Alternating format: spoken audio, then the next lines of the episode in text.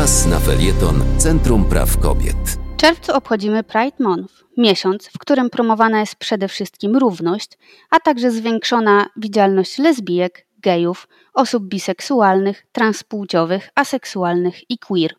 Z tą nazwą związana jest również nazwa wydarzeń odbywających się na całym świecie, najczęściej w formie parad. Ich celem jest upamiętnienie zamieszek w Stonewall, które wybuchły 28 czerwca 1969 roku w Greenwich Village w Nowym Jorku, rozpoczynających tym samym ruch walki o prawa osób LGBT. Wiele międzynarodowych korporacji dołączyło do celebrowania miesiąca dumy, udostępniając tęczowe nakładki, serduszka czy angażując się w akcje społeczne, zwiększając w ten sposób widoczność osób LGBT. Jak wygląda Pride Month w Polsce? 3 czerwca Kościół katolicki obchodził uroczystość Bożego Ciała. Arcybiskup Jędraszewski w swojej homilii zacytował kardynała Stefana Wyszyńskiego. Nowa Polska nie może być Polską bez dzieci bożych, Polską niepłodnych lub mordujących nowe życie matek. Skąd bierze się pomysł zawłaszczania seksualności przez Kościół katolicki? Wynika to z walki o władzę i dominację symboliczną. Jak zauważa filozof Tomasz Stawiszyński, kto dysponuje ludzką seksualnością, ten dysponuje nieograniczoną władzą. Rozrodczość i seksualność wiernych to jeden z ostatnich przyczółków hierarchicznej władzy Kościoła. W tym przypadku nie chodzi o prawdę, a o kontrolę. Grzech to pojęcie, które pozwala na manipulację wiernymi, nie odnosi się do osiągnięć nauki i zasiewa ziarno wstydu.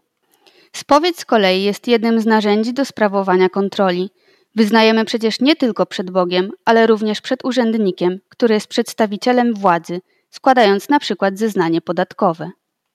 Wciąż oscylujemy wokół mitycznej normy, czyli białego heteroseksualnego mężczyzny, ekonomicznie niezależnego, który jest chrześcijaninem. Ta norma jednak nie reprezentuje większości. Dzięki sąsiedztwu seksu i reprodukcji niektóre treści biologii i fizjologii mogły posłużyć ludzkiej seksualności jako zasada pewnej normalizacji, przykład odpowiedni wiek do urodzenia dziecka. W tym wypadku seks staje się kluczowym narzędziem władzy. Nie ma tutaj miejsca na żadne odstępstwa od przyjętej normy. Tak samo jak dążenie do równości, przykład w sprawie jednopłciowych małżeństw. Nie jest to rezultat ideologii, a wynik wciąż zwiększającej się wiedzy o świecie. Jeszcze niedawno walczono przecież z histerią, masturbacją, czy twierdzono, że epilepsja jest wywoływana przez duchy i demony. Kościół dąży do zatrzymania zmian społecznych, powrotu do starego, znanego porządku, ponieważ wszelkie zmiany prowadzą do osłabienia jego pozycji. Co w takim przypadku z osobami aseksualnymi, skoro seks stanowi sedno władzy i dyskursu politycznego? W dodatku jest w tym świecie obowiązkowy. W obecnym dyskursie będzie to pewnego rodzaju żal, bo przecież nie będzie z tego dzieci, tak samo jak w przypadku związków homoseksualnych. Z celibatem jest jednak trochę inaczej. To świadomy wybór, a nie żadne odstępstwo od normy. Tak jak powiedziała Audre Lorde, nie zdemontujesz domu Pana przy użyciu jego własnych narzędzi. Dlatego należy zacząć budowanie zmiany poza systemem i uznawać różnice za wartość, bo musimy pamiętać, że żadna norma nie istnieje. Życzymy wszystkim udanego miesiąca dumy.